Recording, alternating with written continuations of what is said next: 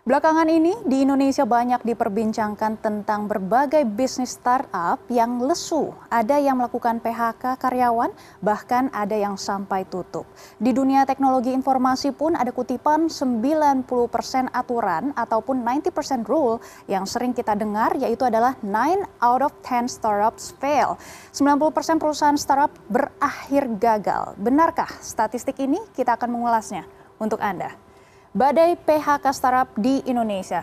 Sebelum kita menjelaskan lebih lanjut kenapa startup bisa gagal, kita harus mengetahui dulu apa itu startup. Sebenarnya perusahaan startup itu adalah menyediakan layanan atau produk berbasis teknologi dengan biaya yang tinggi dan pendapatan yang rendah.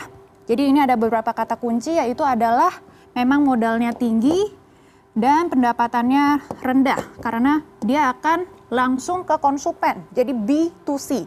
Lalu startup juga membutuhkan banyak pendanaan. Dana tersebut mereka peroleh dari investor, perorangan maupun modal ventura ataupun venture capital ya.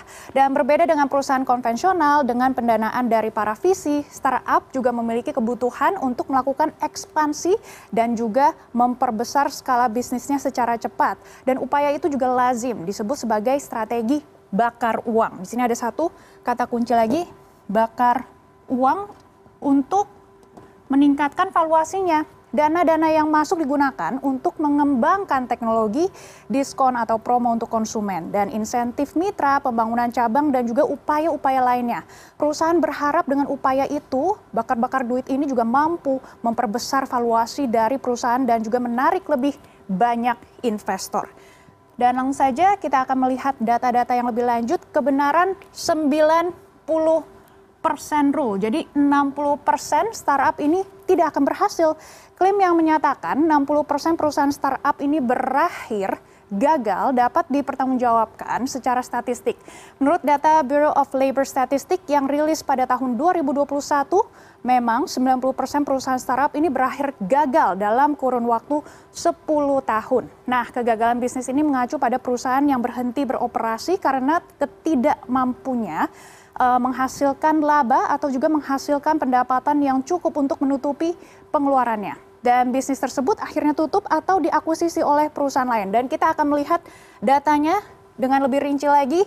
Kita melihat ini new business dalam kurun waktu 10 tahun akan gagal dan tingkatnya ini adalah 70% yang akan gagal. Nah, new business yang dimaksud adalah semua sektor bisnis misalnya toko, restoran, barbershop termasuk startup. Bisnis yang masuk ke kategori ini tidak harus punya karakteristik seperti startup yang disruptif. Bisnis tradisional juga termasuk di sini. Dan kita lihat selanjutnya adalah startup. Nah, startup ini dalam 10 tahun 90% akan gagal. Perusahaan yang didefinisikan sebagai rintisan atau startup adalah perusahaan baru yang bersifat inovatif dan juga berpotensi disruptif. Nah, kita harus mengenal disruptif ini. Ini sangat-sangat penting. Disruptif adalah melakukan bisnis dengan cara tidak seperti biasanya. Pada kategori ini tingkat kegagalan sangat tinggi. Perusahaan startup biasanya mengimplementasikan ide baru dan belum tentu diterima oleh masyarakat ataupun konsumen. Sebanyak 90% startup berakhir gagal dalam jangka waktu 10 tahun. Dan selanjutnya kita masuk ke fase scale up. Nah, scale up ini dalam kurun waktu 10 tahun juga akan gagal dan tingkatnya adalah 75 persen. Perusahaan startup yang sudah melewati fase ide dan juga mendapat pendanaan dari venture capital kita definisikan sebagai scale up dan tingkat kegagalan bisnis di kategori ini juga masih terbilang tinggi tapi lebih rendah dari startup yaitu sekitar 75% dari perusahaan scale up berakhir gagal dalam jangka waktu 10 tahun. Dan selanjutnya adalah unicorn. Unicorn di Indonesia juga sudah tidak terlalu banyak kalau misalnya kita lihat ada beberapa mungkin tidak lebih dari 10 dan yang menarik adalah di kategori unicorn adalah perusahaan yang memiliki valuasi di atas 1 miliar dolar Amerika Serikat. Di kategori unicorn yang sukses hanya sekitar 0,006 persen. Tidak ada satu persen. Dan selanjutnya kita akan mengulas untuk Anda alasan kegagalannya. Ini yang pertama ada persoalan hukum. Yang kita lihat persoalan hukum ada 2%. Ini lumayan tinggi karena banyak startup yang tidak melakukan legalitas dengan baik dan tentunya terkadang sebuah startup dapat berkembang dari ide sederhana dan memasuki dunia dengan kompleksitas hukum yang pada akhirnya dapat mematikannya. Dan selanjutnya kita lihat di kendala operasional. Kendala operasional ini juga ada 2% dan juga kendala teknologi 2%, finansial 16% ini cukup tinggi angkanya dan persoalan tim kalau misalnya kita tidak mempunyai tim atau manajer atau misalnya CEO yang tepat, ini juga akan gagal.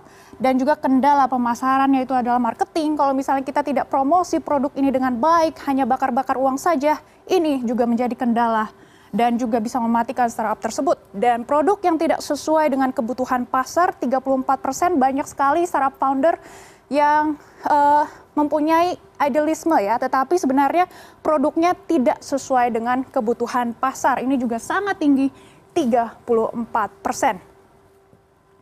Ya, kita akan lihat rata kegagalannya.